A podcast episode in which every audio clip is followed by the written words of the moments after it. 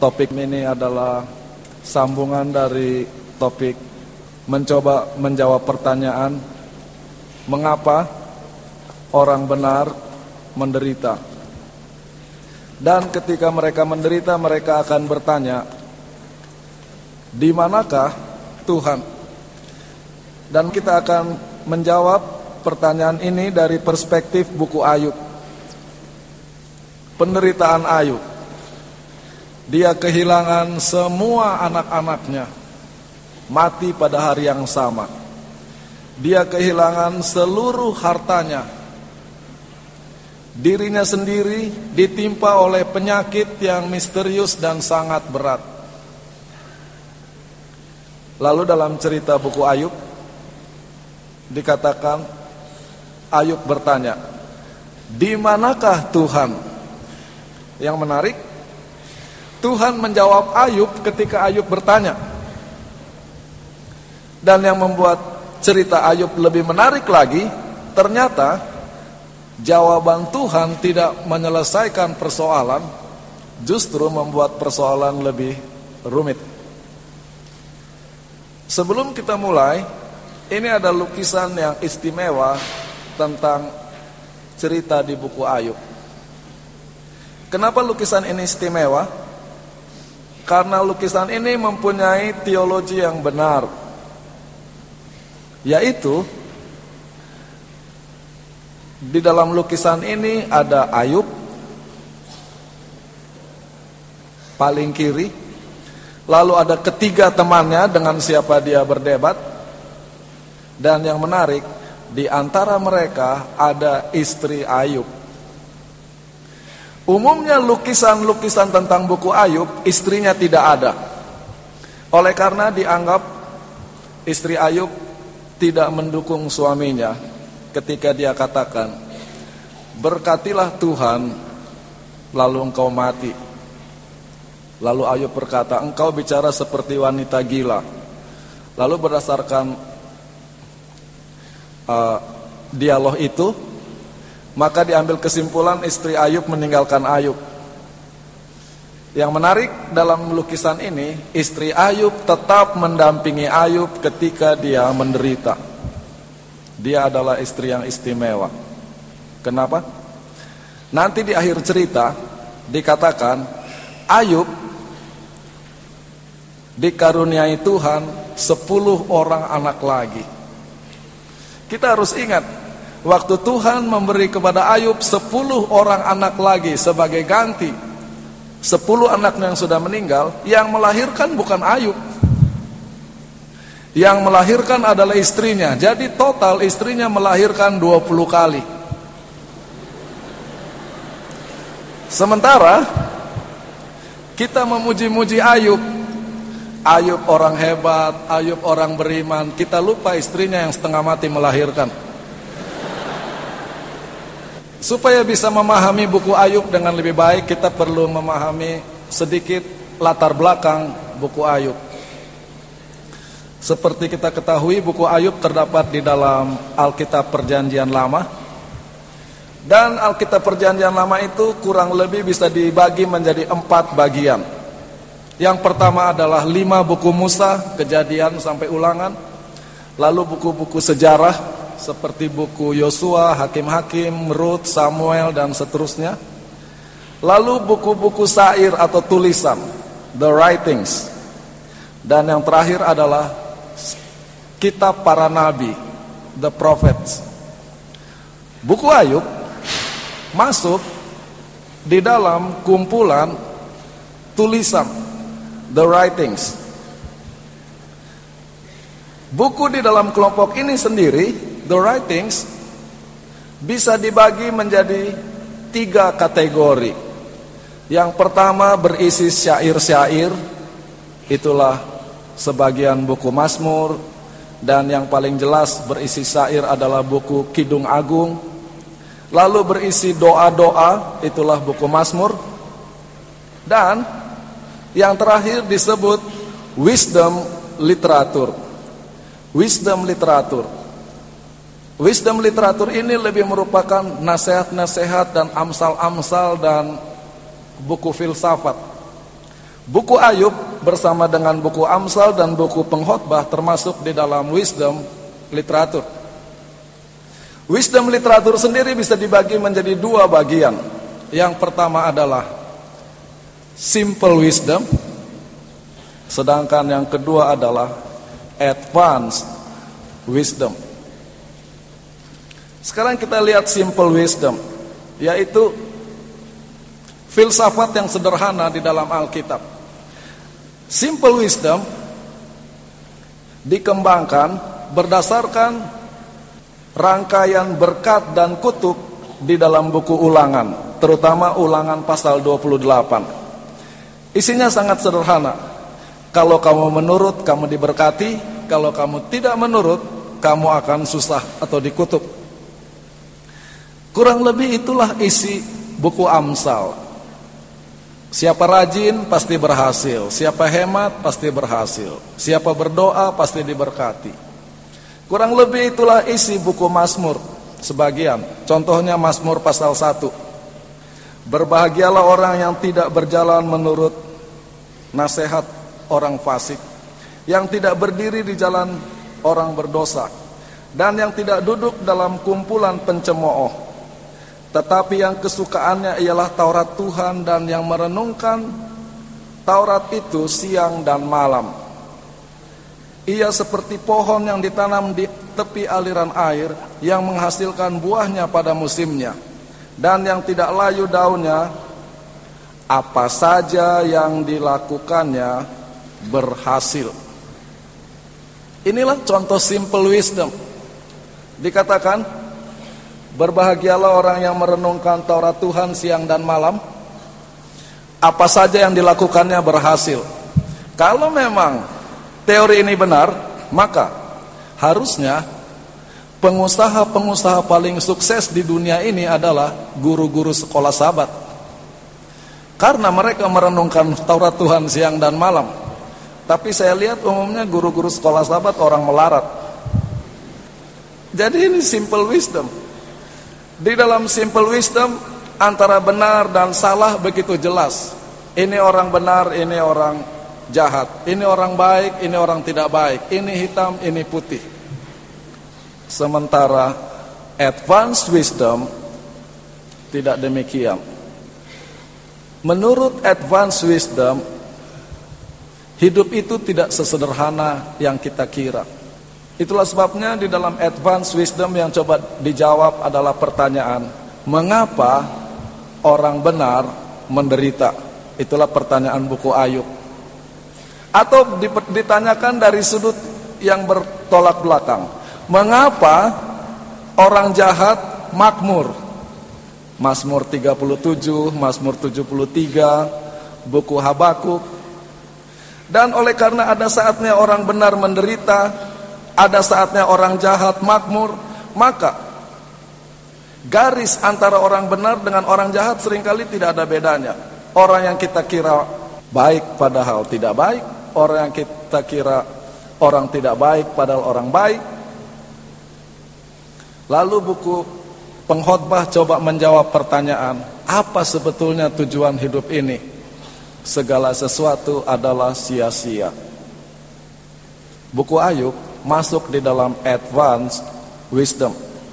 Dan karena kita akan bicara advanced wisdom, jadi tolong ketatkan ikat pinggang saudara, khotbah ini akan agak susah filsafatnya.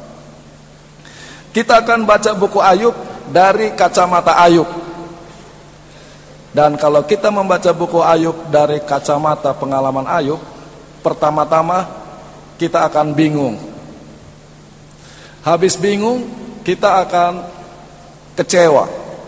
Habis kecewa, iman kita dikuatkan. Tetapi sebelum sampai kepada level iman dikuatkan, kita harus bingung dulu dan kita harus kecewa dulu. Karena ini adalah advanced wisdom.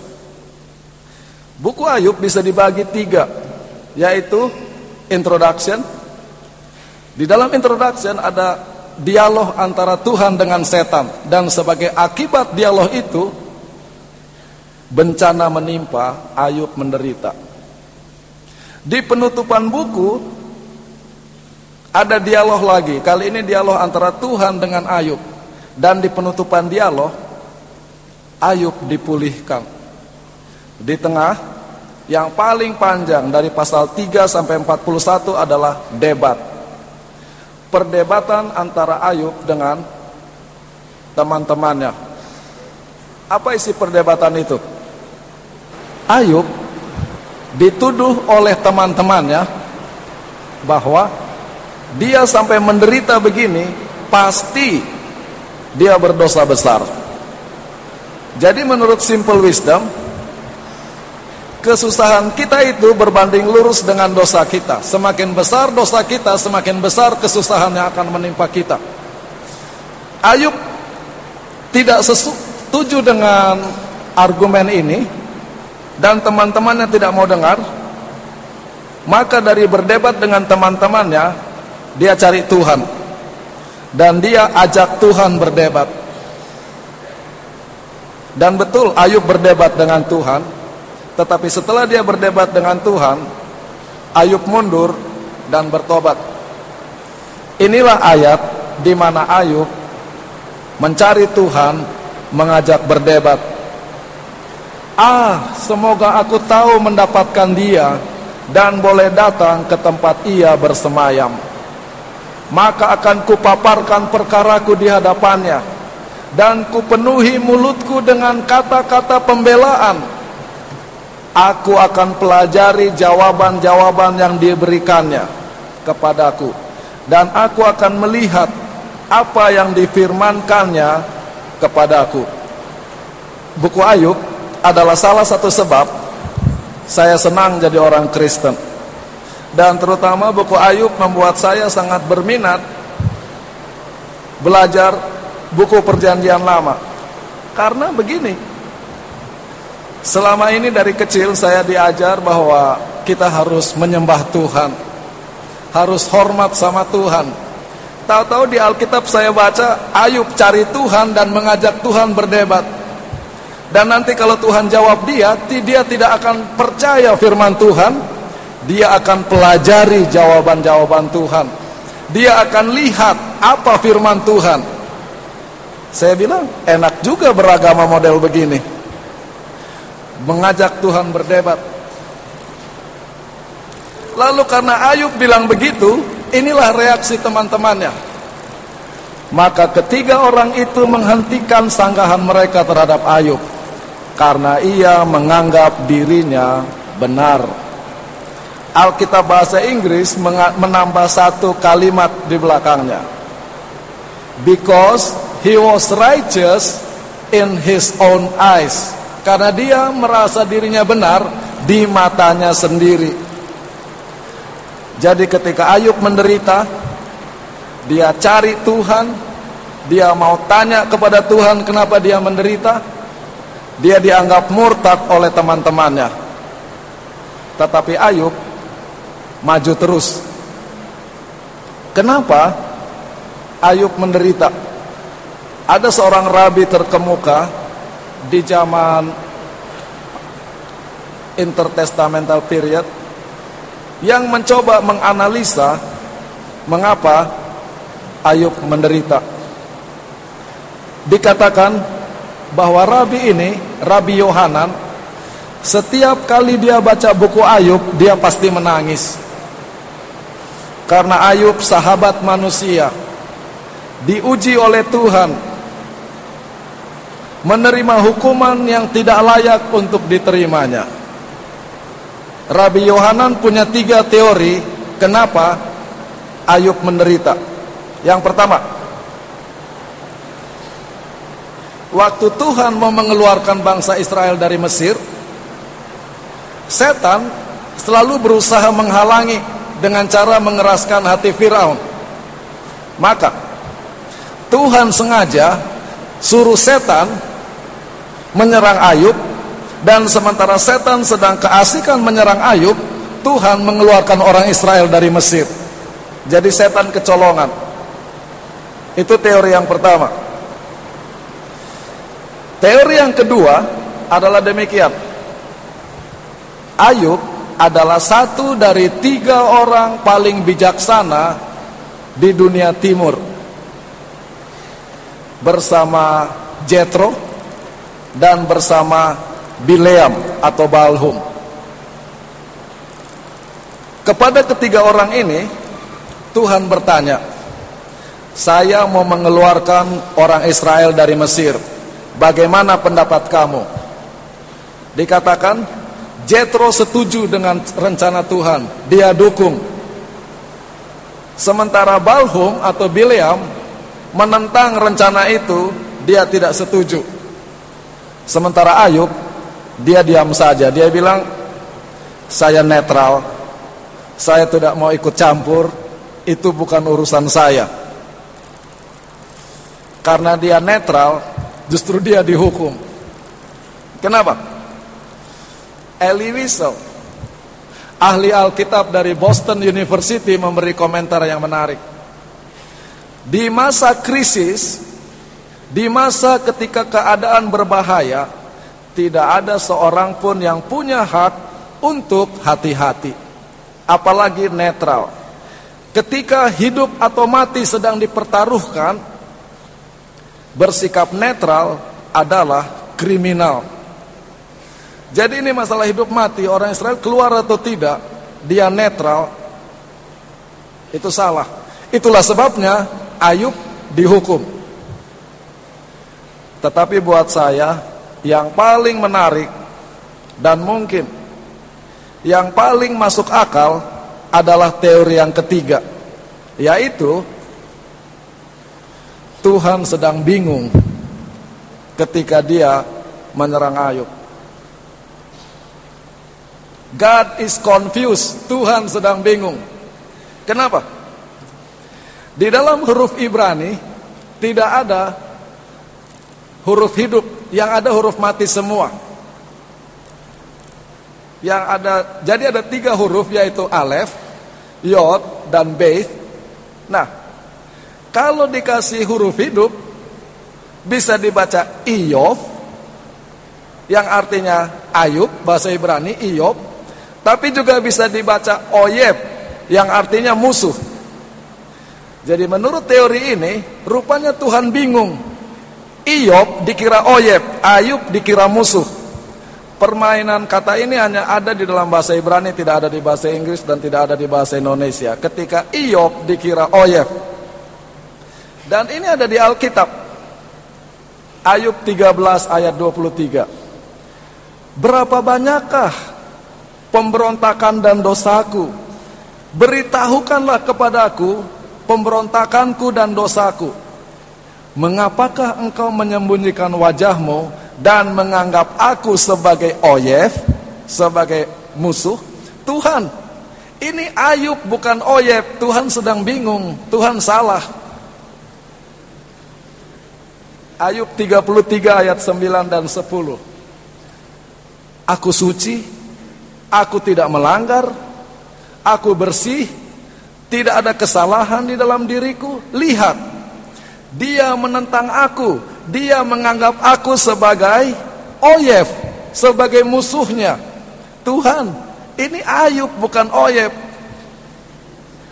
Tuhan sedang bingung. Dan karena ditantang sedemikian rupa oleh Tuhan, eh, oleh Ayub, maka Tuhan tidak data, tidak tahan, Tuhan keluar dari sorga dan menemui Ayub. Inilah jawaban Tuhan terhadap tantangan Ayub. Ayub 38. Maka dari dalam badai Tuhan menjawab Ayub.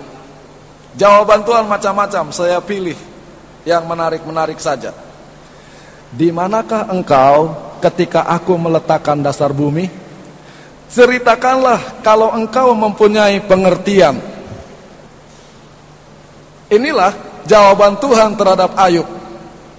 Saudara harus ingat, Ayub cari Tuhan dia mau tanya, Tuhan, kenapa saya menderita? Tuhan, kenapa anak saya mati semua? Tuhan, kenapa harta saya musnah? Gantinya Tuhan jawab, kenapa Ayub menderita? Kenapa anak-anaknya mati?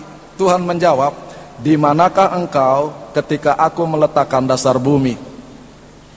Kalau saya jadi Ayub, jawabannya begini, Tuhan, saya belum lahir waktu itu. Jangan tanya saya Tuhan. Tuhan tanya sama Ayub, siapa telah membendung laut dengan pintu ketika membual keluar dari dalam rahim? Ketika aku membuat awan menjadi pakaiannya dan kekelaman menjadi kain bedungnya. Ketika aku menetapkan batasnya dan memasang palang dan pintu. Ketika aku berfirman sampai di sini boleh engkau datang, jangan lewat. Di sinilah gelombang-gelombangmu yang congkak akan dihentikan. Tuhan bicara masalah laut kepada Ayub. Padahal bukan itu yang ditanya oleh Ayub. Tuhan bertanya lebih jauh. Dapatkah engkau memberkas ikatan bintang kartika dan membuka belenggu bintang belantik? Dapatkah engkau menerbitkan minta kulburui pada waktunya dan memimpin bintang biduk dengan pengiring-pengiringnya? Dia tanya kenapa anaknya mati, dia tanya kenapa hartanya hilang, dia tanya kenapa dia sakit, jawabannya tentang lautan, tentang bintang-bintang. Istilahnya di sini nggak nyambung. Yang lebih cilaka lagi, Tuhan tanya lebih jauh. Apakah engkau mengetahui waktunya kambing gunung beranak? Atau mengamat-amati rusa waktu sakit beranak? Dapatkah engkau menghitung berapa lamanya sampai genap bulannya dan mengetahui waktunya beranak? Apa urusan saya kambing beranak? Saudara bisa lihat Ayub cari Tuhan, dia mau bertanya, kenapa dia menderita? Tuhan jawab dia, jawaban Tuhan adalah, apa pernah lihat kambing beranak? Yang anehnya, dijawab model begini, Dijawab ditanya kapan di mana kamu waktu saya menciptakan dunia? Di mana kamu waktu saya menciptakan lautan? Di mana kamu waktu saya menciptakan bintang-bintang? Apa kamu pernah lihat kambing beranak? Apa kamu pernah lihat rusa beranak? Tidak memuaskan jawabannya. Anehnya, Ayub senang dengan jawaban Tuhan. Ayub sangat senang dan dia sangat puas dengan jawaban itu. Dia bilang begini, hanya dari kata orang saja aku mendengar tentang engkau. Tetapi sekarang mataku sendiri memandang engkau. Oleh sebab itu aku mencabut perkataanku dan dengan menyesal aku duduk dalam debu dan abu. Ini yang saya bilang baca buku Ayub membingungkan. Dijawab kambing beranak, dijawab rusa beranak, gantinya dia marah, justru dia senang. Dia bilang, sekarang saya mengerti. Selama ini saya cuma dengar-dengar tentang Tuhan. Sekarang saya melihat Tuhan dengan mata sendiri. Ada dua kemungkinan. Ayub sudah gila karena terlalu menderita. Atau cara berpikir Ayub begitu advance sampai kita nggak ngerti kenapa dia senang dengan jawaban Tuhan. Eli Wiesel kembali mengomentari, saya sangat tersinggung bahwa Ayub menyerah dalam cerita itu. Mundurnya Ayub adalah penghinaan bagi manusia. Harusnya dia jangan menyerah. Dia harusnya protes terus. Dia harusnya menolak jawaban Tuhan dan itu yang bagus. Tetapi gantinya Ayub terus protes dan mengejar Tuhan dia terima. Pertanyaannya, kenapa? Dan ketika kita bertanya, kenapa? Itulah wisdom. Kalau orang yang kurang bijaksana, pertanyaannya selalu siapa? Jadi kalau ada problem mereka tanya selalu siapa? Dan biasanya yang salah selalu orang lain, tidak pernah dia. Tetapi begitu kita mulai tanya, kenapa? maka kita sudah mulai bijaksana sedikit. Kenapa Ayub puas dengan jawaban Tuhan? Rupanya begini. Ketika Tuhan bertanya kepada Ayub dan dalam pertanyaan Tuhan, Tuhan bicara tentang penciptaan dunia, Tuhan bicara tentang gelombang-gelombang lautan, Tuhan bicara tentang bintang-bintang, Tuhan bicara tentang kambing beranak, tentang rusa beranak. Ayub jadi sadar. Kalau Tuhan memelihara seluruh alam semesta ini dengan teliti, pasti dia juga memelihara saya. Kalau memang begitu, Tuhan tidak bingung. Saya ini Ayub bukan Oyeb. Tadinya Ayub kira Tuhan sedang bingung, dia dikira musuh. Rupanya Tuhan tidak bingung. Rupanya Tuhan tahu apa yang terjadi sama saya. Kalau kambing beranak pun Tuhan tahu, apalagi penderitaan saya. Dia pasti tahu. Kesadaran bahwa Tuhan mengetahui apa yang dideritanya merupakan penghiburan bagi Ayub. Itulah sebabnya dia sangat puas dengan penjelasan Tuhan. Sepintas tadi sepertinya tidak ada koneksi. Padahal justru itulah yang memuaskan Ayub. Bahwa Tuhan pemelihara alam semesta adalah pemelihara saya juga. Ada saatnya hidup saya begitu berat. Tetapi kenyataan bahwa Raja alam semesta, pencipta alam semesta memelihara saya. Dia mendapat jaminan penyertaan Tuhan. Tetapi kita harus bertanya, apa yang dimaksud oleh Ayub ketika dia katakan, Selama ini aku hanya mendengar tentang engkau, tetapi sekarang aku telah melihat engkau dengan mataku sendiri. Apa yang dimaksud oleh Ayub bahwa dia telah melihat Tuhan? Tadi saya bilang, bahwa simple wisdom itu didasarkan pada ulangan pasal 28. Di ulangan 28 itu ada berkat dan ada kutuk. Sekarang kita lihat kutuk yang akan menimpa kalau bangsa Israel tidak setia kepada Tuhan. Maka Tuhan akan memukul, bahasa Ibrani-nya naka, engkau pada lututmu dan pada kakimu dengan bisul yang parah. Dengan mana engkau tidak bisa sembuh. Dari tapak kaki sampai batok kepalamu. Jadi katanya, kalau mereka tidak setia sama Tuhan, mereka akan ditulahi dengan bisul dari tapak kaki sampai batok kepala. Itu ulangan 28. Di Ayub 2 kita baca bahwa maka pergilah setan dari hadapan Tuhan dan memukul Ayub naka kembali dengan bisul yang parah dari tapak kakinya sampai batok kepalanya. Ayub orang benar menerima kutukan orang murtad. Kata demi kata sama.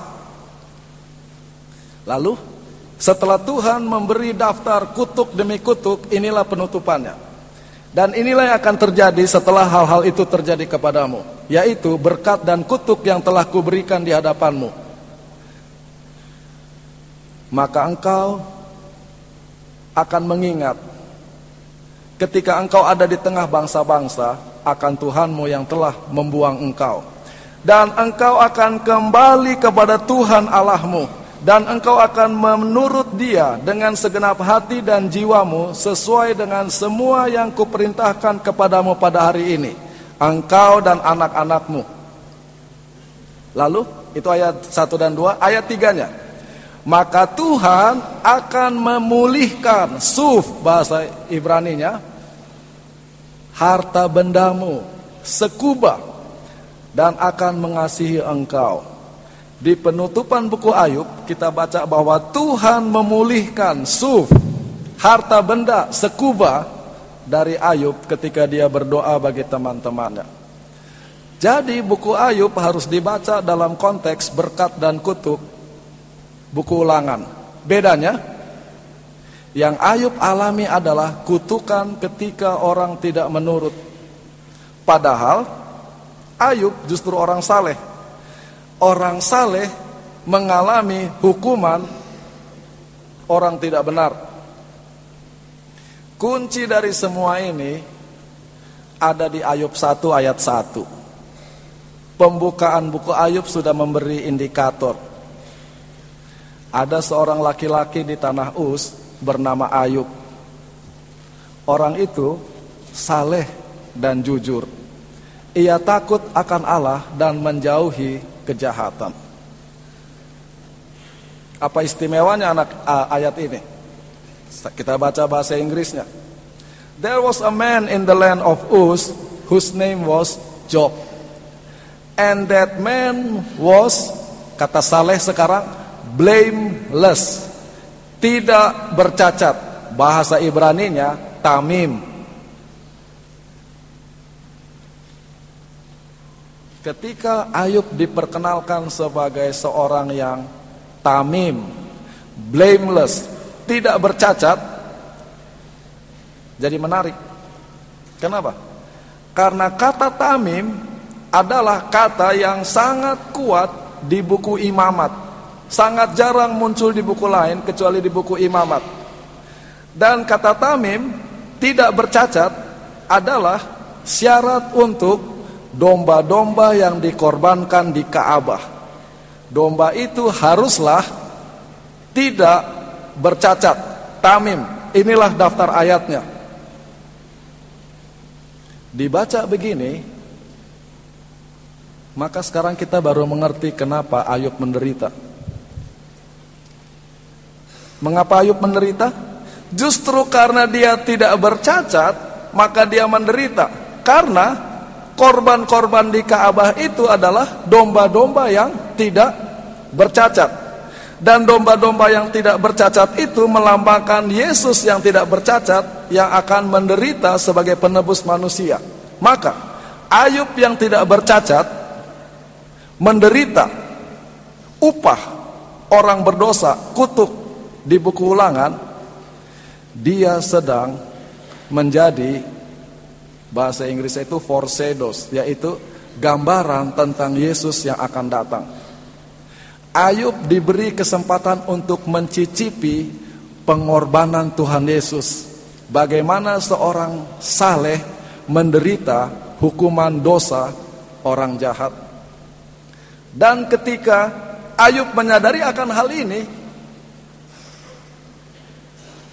itulah saya dia bilang, sekarang aku sendiri sudah memandang Tuhan. Ayub merasa sangat terhormat bahwa dia mendapat kesempatan untuk mengalami apa yang dialami oleh Tuhan Yesus. Itulah sebabnya dia katakan Tuhan selama ini tentang Tuhan saya cuma dengar-dengar dari khotbah. Saya cuma dengar-dengar dari kesaksian orang. Tetapi ketika saya sedang hidup benar dan lurus, saya menderita, saya diberi kesempatan untuk mengalami apa yang Tuhan sendiri alami. Terima kasih untuk kehormatan ini ya Tuhan. Dan Ayub merasa puas dan buku itu selesai. Tapi tunggu dulu, masih ada pertanyaan. Bagaimana dengan anak-anaknya yang mati? Betul, Ayub sembuh dari bisul-bisulnya. Hartanya dipulihkan. Tetapi sepuluh anaknya yang mati tidak pernah dibangkitkan. Betul? Adil atau tidak? Kenyataan bahwa anak-anak Ayub tidak dibangkitkan adalah untuk mengingatkan dosa itu serius. Dosa itu permanen akibatnya. Untuk mengingatkan jangan main-main dengan dosa. Bahwa serangan setan terhadap Ayub bukan sandiwara, akibatnya permanen. Anak-anak yang mati tidak bisa hidup lagi. Hamba-hamba yang mati tidak bisa hidup lagi. Dan ini menggambarkan bahwa pengorbanan Tuhan Yesus di kayu salib bukan sandiwara. Kematiannya adalah kematian yang serius.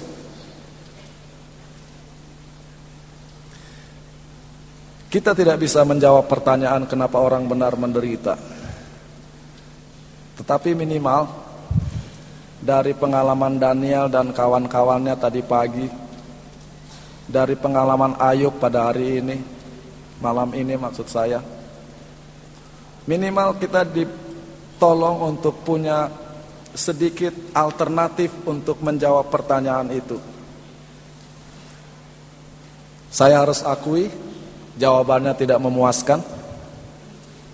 Tetapi apa yang bisa kita lakukan hanya Percaya kepada Tuhan.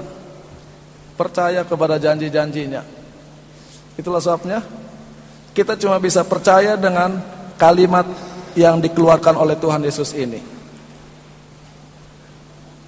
Yesus tidak katakan kasihan kamu.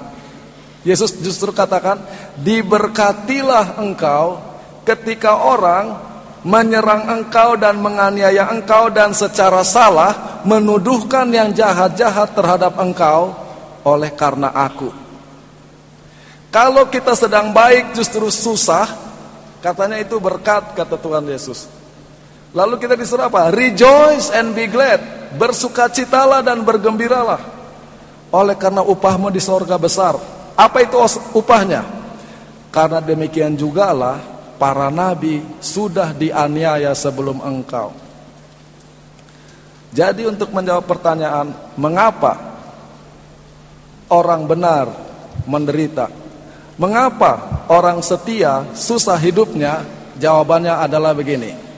Anda diberi kehormatan untuk mencicipi apa yang Tuhan Yesus alami dan Anda diberi kehormatan untuk masuk pasukan elit para nabi dan hamba-hamba Tuhan yang setia di segala zaman. Mereka orang benar, mereka menderita.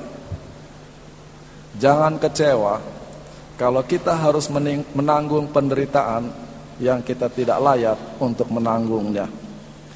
Kiranya firman ini bisa menjadi penghiburan dan kekuatan bagi kita semua.